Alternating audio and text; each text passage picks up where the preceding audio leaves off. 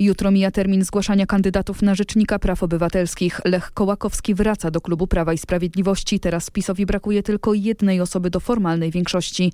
Dzień upłynął pod znakiem protestów. Pikiety zorganizowali górnicy i nauczyciele.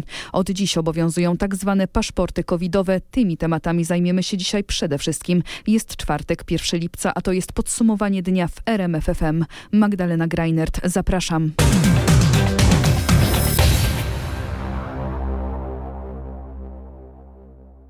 Jutro mija wyznaczony przez marszałek Sejmu Elżbietę Witek termin zgłaszania kandydatów na Rzecznika Praw Obywatelskich. Parlament już pięciokrotnie próbował wybrać następcę Adama Bodnara. Na razie nieskutecznie. Posłanka PO Izabela Leszczyna mówiła dziś w rozmowie w samo południe w RMFFM, że opozycja powinna ponownie wystawić na to stanowisko profesora Wiącka. Znaczy wydaje mi się, że profesor Wiącek dostał naprawdę na tyle dużo głosów i tak duże poparcie partii opozycyjnych, że jeśli teraz doszedłby do tego ten mały, to, to małe koło chyba trzech posłów e, z posłem e, Giżyńskim. Ale oni mają z kolei swoich kandydatów. Poseł Giżyński coś mówił, że, że jest w stanie poprzeć e, profesora Wiącka. Panie redaktorze. Czyli pani postawiłaby szczerze, raz jeszcze w tym okrążeniu na profesora Wiącka? Sądzę, że tak. Natomiast tutaj jakby kluczowe jest co innego. Proszę zobaczyć, rządzą nami ludzie, rządzi nami partia, która nie jest w stanie od ponad pół roku wybrać rzecznika praw obywatelskich. No,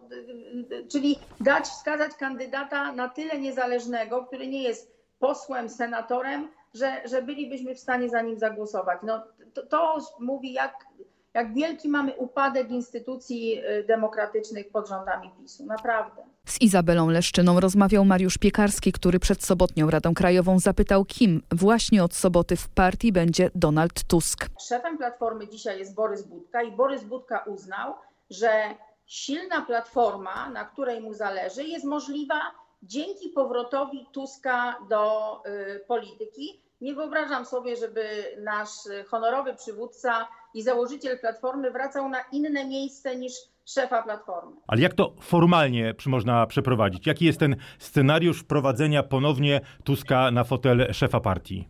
Panie redaktorze, ja myślę, że takie technikalia to w ogóle nie są interesujące dla ludzi, ale... Jakoś ja to się rozumiem... musi odbyć. No przecież nie wiedzie na białym koniu Donald Tusk, wszyscy uklękną i powiedzą, o dzięki ci, tata wrócił. W jakiś e... sposób formalnie Tusk musi wrócić do Platformy tego co rozumiem, Borys Budka nie ustępuje z szefa Platformy, z przewodniczącego Platformy Obywatelskiej od tak po prostu, bo uznał, że mu się znudziło, tylko ustępuje właśnie Donaldowi Tuskowi. To znaczy rezygnuje z przywództwa po to, żeby Donald Tusk mógł wejść do zarządu partii i mógł zostać zgodnie ze statutem pełniącym obowiązki jako najstarszy y, wiceprzewodniczący Platformy Obywatelskiej. I potem I... Muszą, muszą odbyć się y, wybory powszechne w Platformie, w Platformie wśród wszystkich członków. Pani zdaniem już teraz, od razu Rada Krajowa w sobotę powinna podjąć taką decyzję i powiedzieć, kiedy będą wybory nowego przewodniczącego,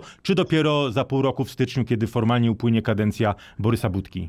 Czy wydaje mi się, że jeśli y, Donald Tusk ma zostać pełniącym obowiązki, to powinniśmy sobie dać troszkę czasu, bo co nagle to po diable. Gdyby dzisiaj był taki wybór, to ja głosuję na Tuska, dodała posłanka.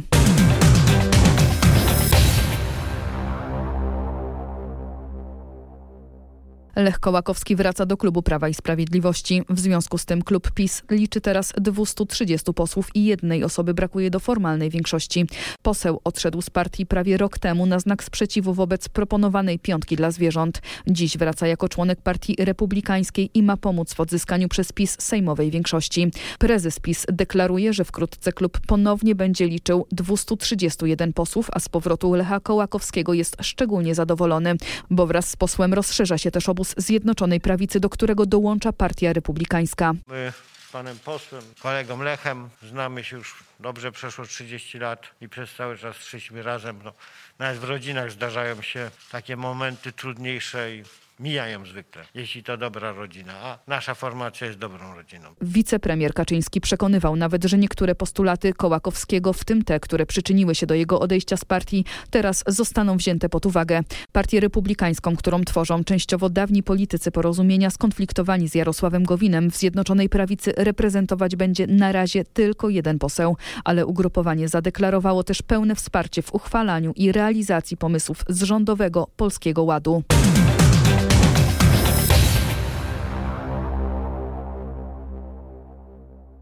98 nowych zakażeń koronawirusem i 23 zgony potwierdza w dzisiejszym raporcie o stanie epidemii Ministerstwo Zdrowia.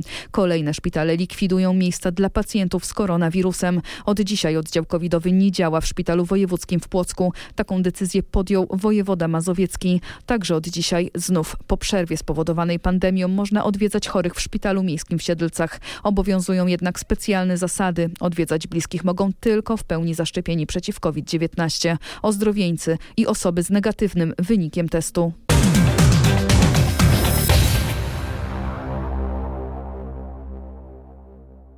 Ponad połowa, dokładnie 54% dorosłych Polaków dostało co najmniej jedną szczepionkę przeciw koronawirusowi albo jest zarejestrowanych na szczepienie. Te informacje przedstawiono na konferencji prasowej w kancelarii premiera. Największy problem z chęcią do szczepienia jest wśród najmłodszych osób 20 i 30-latków. Najlepiej jest w grupie 70+. Plus. W tej grupie zaszczepiona lub zarejestrowana na szczepienie jest większość, ponad 3 czwarte osób, które skończyły 70 lat.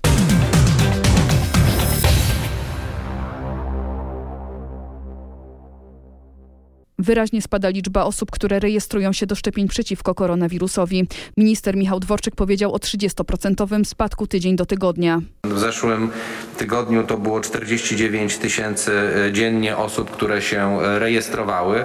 No i to jest e, oczywiście bardzo niepokojące zjawisko. W tym tygodniu po raz pierwszy blisko milion dawek szczepionki nie pojechało do punktów, bo punkty wykonujące szczepienia zrezygnowały z prawie miliona dawek szczepień, ponieważ nie ma po prostu osób zainteresowanych szczepieniami.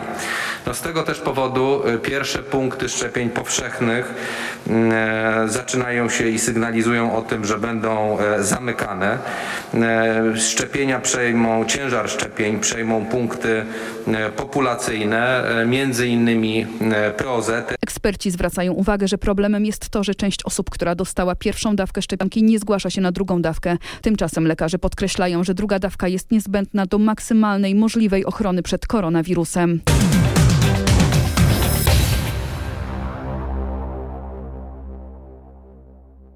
We wszystkich krajach Unii Europejskiej zaczęły obowiązywać dzisiaj unijne cyfrowe zaświadczenia COVID-19. Oznacza to, że takie certyfikaty dla obywateli i rezydentów Unii Europejskiej będą teraz wydawane i weryfikowane na całym terytorium unijnym. Obejmują zaświadczenie o szczepieniu przeciwko COVID-19, o wyniku testu i o powrocie do zdrowia. Jak donosi nasza dziennikarka Katarzyna Szymańska-Borginą, jedynie Irlandia nie jest w stanie widywać i odczytywać certyfikatów, bo irlandzki system został uszkodzony w wyniku niedawnego ataku cybernetycznego. Tylko Irlandia nie jest na razie w stanie wydawać i odczytywać unijnych certyfikatów, bo irlandzki system został uszkodzony w wyniku niedawnego ataku cybernetycznego. Sześć innych krajów ma drobne problemy z wydawaniem jednego z typów certyfikatu. Słowacja nie wydaje i nie odczytuje na razie certyfikatów dla osób niezaszczepionych, które przedstawiają negatywny wynik testu antygenowego lub PCR.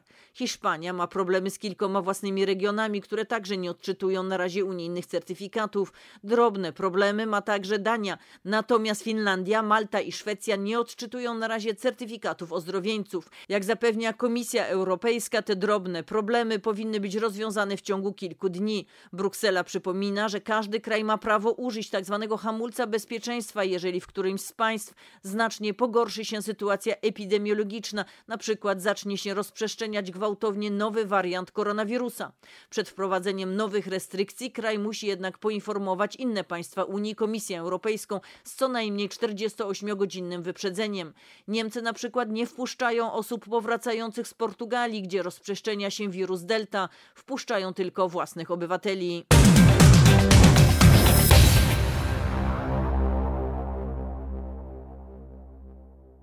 Tej chwili dokument potwierdzający pełne zaszczepienie, przechorowanie koronawirusa albo negatywny wynik testu uznaje 21 krajów Unii. Na liście nie ma jeszcze Holandii, Irlandii, Szwecji, Rumunii, Węgier i Malty. W Chorwacji w jednym z najpopularniejszych kierunków podróży polskich turystów certyfikaty mogą, ale nie muszą być sprawdzane na drogowych, lotniczych i morskich przejściach granicznych. Z kwarantanny zwalnia też zaszczepienie jedną dawką z trzech uznawanych w Unii preparatów. Oczywiście trzeba mieć ze sobą potwierdzenie przyjęcia tej pierwszej dawki. Można wjechać między 22 i 42 dniem, jeśli chodzi o Pfizera i Modernę i 22 i 84, jeśli chodzi o AstraZeneca. Tłumaczy Agnieszka Puszczewicz z chorwackiej wspólnoty turystycznej. Do wielu krajów Unii Polacy mogą wjeżdżać bez utrudnień, ale certyfikaty będą potrzebne przy wstępie na imprezy masowe. Tak jest we Francji, Austrii czy Danii. Unijny certyfikat działa też w Norwegii, Islandii i Liechtensteinie.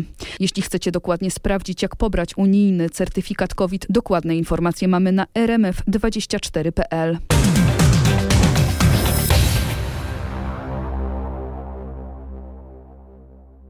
Czwartek upłynął pod znakiem Pikiet. Trzy zorganizowały na Śląsku górnicze związki zawodowe. Pierwsza z nich rozpoczęła się przed siedzibą Jastrzębskiej Spółki Węglowej. Wzięło w niej udział kilkuset związkowców. Na miejscu była nasza reporterka Anna Kropaczek, która wyjaśni przeciwko czemu protestują związki. Związkowcom nie podoba się sposób zarządzania spółką. Twierdzą, że zarząd z prezes Barbarą Piątek nie dba o rozwój JSW, nie dba o wydobycie i inwestycje. Zarząd zajmuje się jedynie kłótniami między sobą, szukaniem haków, jeden na drugiego, zatrudnianiem kolegów i koleżanek swoich oraz rekomendowanych przez lokalnych posłów. Chodzi m.in. o europosłankę Izabelę Kloc. Protestujący związkowcy uważają, że wykonanie umowy społecznej dotyczącej górnictwa jest zagrożone. W Katowicach zebrali się przed biurem poselskim premiera Mateusza Morawieckiego. Chcą, by spółki energetyczne odbierały zakontraktowany węgiel. Na dzisiaj mamy problem jako spółki górnicze z odbiorem zakontraktowanego węgla tak? i brakiem środków na bieżące finansowanie inwestycji odtworzeniowych. Jeżeli tego nie będzie, to obawiamy się, że w 2022 roku nie będzie można realizować umowy społecznej już podpisanej. We wszystkich spółkach jest e, problem z odbiorem węgla? Te spółki, które są jeszcze e, jakby e, powiązane z energetyką, to jeszcze, jeszcze pewnie tam jakoś się to da załatwić. Natomiast do Polska Grupa Górnicza no, musi do końca roku przetrwać, jeżeli mamy realizować umowę społeczną. Z Bogusławem Chutkiem, przewodniczącym Krajowej Sekcji Górnictwa Węgla Kamiennego w Solidarności rozmawiała Anna Kropaczek. Umowa społeczna podpisana w maju przez związki i rządowo szczegółowo regulują stopniową likwidację górnictwa do 2049 roku. Pikiety odbywały się również w Warszawie. Tu protestowali m.in. związkowcy z Oświatowej Solidarności, o czym mówi nasz warszawski dziennikarz Grzegorz Kwolek. No to ciekawe, bo to jest związek, który do tej pory raczej przytakiwał, nie protestował, przynajmniej od dwóch lat, od czasu zakończenia tych słynnych protestów zorganizowanych przez przez ZNP i Forum Związków Zawodowych, z których Solidarność się wyłamała. E, tym razem to oni właśnie zorganizowali pikietę przed Ministerstwem Edukacji Narodowej. Przymówili o załamaniu się negocjacji z panem ministrem. Chodziło o negocjacje dotyczące podwyżek i mówili, że podstawowym problemem są właśnie pieniądze. Potrzebna jest podwyżka bieżąca dla nauczycieli, bo widać, że inflacja jest powyżej 5%, że w sferze produkcyjnej podwyżki są rzędu 8% rok do roku, czyli nawet w epidemii to jest możliwe. Bo bez dodatkowych pieniędzy na stół negocjacyjny to to będzie wyglądało jak mieszanie herbaty bez cukru, a na to Solidarność nie powinna się zgodzić. Nie tylko pieniędzy chce Solidarność, chce także odciążenia nauczycieli, żeby było mniej biurokracji i nie zgadza się na pomysł ministra Czarnka zwiększenia pensum oraz y, skrócenia, a raczej spłaszczenia y, awansu zawodowego. Inne związki zawodowe również domagają się pieniędzy. ZNP i FZZ walczyły o to już w 2019 roku. Wszyscy pamiętamy wielki protest, y, kiedy przez praktycznie trzy tygodnie nie było nauki w szkołach i nawet był problem w trakcie egzaminów ósmoklasisty. I teraz przypominają się te związki zawodowe, mówią, to porozumienie, które wtedy Solidarność podpisała, które miały doprowadzić do podwyżek, nie udało się, nie ma podwyżek. Chcieliśmy tysiąc złotych wtedy, e, miały być podwyżki, nic się tutaj nie ukazało, dlatego mówią teraz twardo, nie będziemy rozmawiać z ministrem, dopóki rząd nie pokaże, że są pieniądze w budżecie na to, żeby więcej pieniędzy nauczyciele dostali. Że w dalszym ciągu te nożyce między przeciętnym wynagrodzeniem w gospodarce, przeciętnym wynagrodzeniem w sferze edukacji się coraz bardziej rozwierają. I, I tutaj my oczekujemy także jasnego, czytelnego sygnału, ile będzie wynosiła subwencja oświatowa, bo ona jest de facto podstawą finansowania naszych wynagrodzeń. Jeżeli ta subwencja e, nie będzie pokazywała źródeł sfinansowania tego wzrostu płac. Sławomir Broniarz, szef ZNP, mówi właśnie, że muszą być pieniądze na większą subwencję w nowym budżecie. Bez tego żadnych rozmów nie będzie, ale będą być może protesty na jesieni. No właśnie, na ile realny jest taki scenariusz, niekorzystny przede wszystkim dla uczniów i rodziców, wyjaśnia Grzegorz Kwolek. Nie wiadomo, czy będzie to taki klasyczny strajk nauczycielski. Obaj szefowie y, FZZ i ZNP, czyli dwaj Sławomirowie, Witkowicz i Broniarz mówią, jesteśmy częścią większych centrali. Być może to będzie taki bardziej strajk wszystkich pracowników budżetówki, bo budżetówka też ma cała zamrożone pensje, to jest kilka milionów osób. Y, na razie nie chcą wyciągać tego królika z kapelusza. Mówią, nauczyciele mają metody walki o swoje pieniądze, będziemy o nie walczyć, no ale trzeba pamiętać o tym, że ten protest 2019 roku pokazał, że jeżeli rząd nie chce rozmawiać z nauczycielami, ze związkowcami, to niestety jest w stanie z nimi wygrać kosztem oświaty, kosztem tego, jak wygląda edukacja.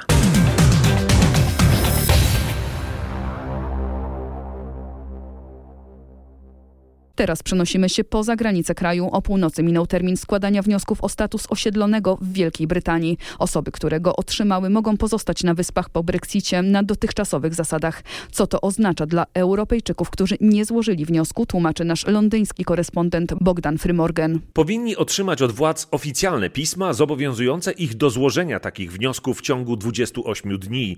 Tym, którzy tego nie uczynią, grozić będzie utrata prawa do pracy, edukacji, opieki zdrowotnej i świadczeń świadczeń socjalnych.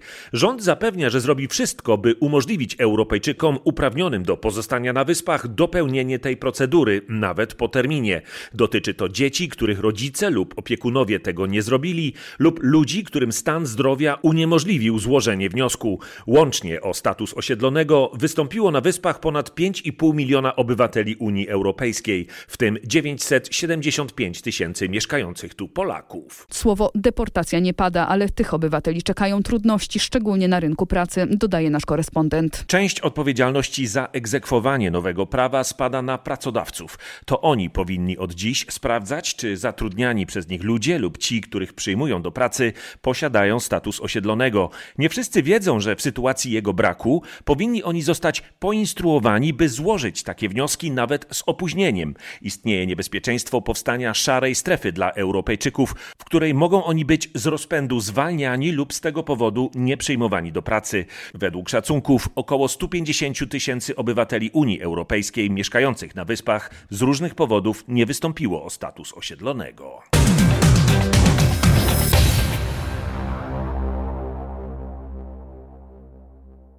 Dokładnie 30 lat temu Polska oficjalnie przystąpiła do Europejskiej Organizacji Badań Jądrowych CERN. To otworzyło polskim naukowcom i inżynierom możliwości pracy przy najbardziej zaawansowanych eksperymentach współczesnej fizyki, między innymi z wykorzystaniem wielkiego zderzacza hadronów. Mam wrażenie, żeśmy to dobrze wykorzystali.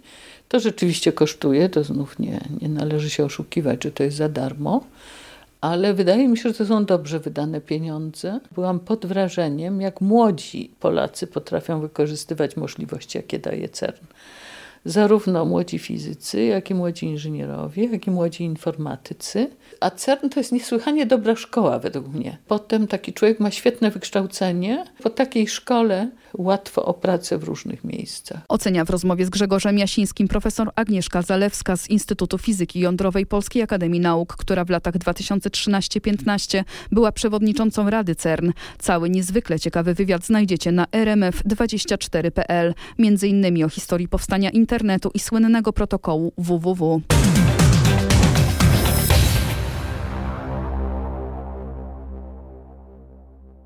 Katarzyna i Faustyna przekopują się pod łodzią. To dwa gigantyczne urządzenia drążące tunele, które połączą dworce kolejowe Łódź Fabryczna i Kaliska. Wykonano już i zabezpieczono 100 metrów przekopu. Urządzenia wykorzystują najnowszą, bezpieczną i efektywną technologię drążenia tuneli kolejowych, przekonuje Romuald Mądry z PKP PLK. Komora startowa dla tarczy o średnicy 8,7 metra. Ona się składa z części okrągłej i z części podłużnej. W części okrągłej jest urządzenie skrawające, które fizycznie drąży tunel. W części kolejnej są wszystkie elementy, które służą wydobywaniu urobku i transportu elementów, które mamy tu z tyłu. To są obudowy.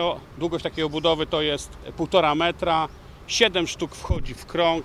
Masa około 70 ton takiego jednego kręgu. To jest dźwig który będzie docelowo obsługiwał budowę, będzie się zajmował podawaniem tej obudowy na dół do transportu pod czoło maszyny, pod urządzenie, które maszyna będzie układała mm, tą obudowę i będzie również zajmował się wydobywaniem urobku. To, co nasz pierwszy rzut oka łączy tunel z koleją, to jest właśnie już mały pociąg, który wywozi ten urobek. To jest taki pociąg górniczy, ale jest to pociąg. Część nieruchomości, które y, w ramach projektu zostały przejęte i decyzji to y, w sposób automatyczny wyprowadziły mieszkańców, bo nasza spółka przejęła te nieruchomości. Y, jest też spory zakres prac, które odbywają się pod istniejącymi kamienicami, które nie są w najlepszym stanie technicznym. I tutaj jest inicjatywa wykonawcy, który w porozumieniu z mieszkańcami udostępnia im na czas tych najbardziej intensywnych prac pomieszczenia zastępcze, no to jest taki trochę przezorny, zawsze ubezpieczony. Jeżeli coś miałoby się negatywnego wydarzyć skutek drążenia, no to te osoby nie, na pewno nie ucierpią. Pierwsze tego typu działania zostały podjęte, bo oczywiście są osoby, które mają udostępnione hotele i przebywają poza domami. Znajdujemy się pod jednym z pierwszych budynków, którego mieszkańcy są realokowani na czas przejścia pod nimi właśnie tarczy. Także to się już dzieje. Robimy to ze względu bezpieczeństwa i w pełnym porozumieniu z mieszkańcami. To my się zgłaszamy do mieszkańców, żeby zapewnić im bezpieczeństwo.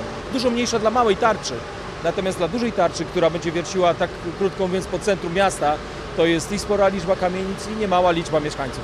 Dodają Arnold Bresz z zarządu PKP PLK i dyrektor tuneli TBM Marcin Tomaszewski.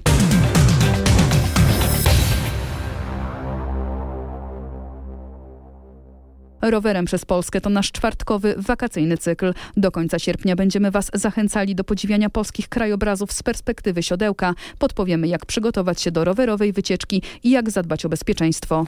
A bezpieczeństwo to słowo klucz, zwraca uwagę Leszek Konefał z Dolnośląskiej Policji i przypomina, że pod koniec maja zmieniły się przepisy. Kierujący rowerem ma obowiązek sygnalizowania zamierzonych manewrów. Także e, zmiana też dla rowerzystów jest taka, że muszą podzielić się drogą dla roweru rowerów z innymi użytkownikami drogi. Mogą tą, tą drogą poruszać się i kierujący hulajnogami elektrycznymi, łyżworolki, deskorolki. Jazda bez oświetlenia wieczorem i w nocy, wyprzedzanie na trasie rowerowej, jazda parami bez względu na okoliczności, ale przede wszystkim nieznajomość przepisów ruchu drogowego to największe błędy amatorów dwóch kółek.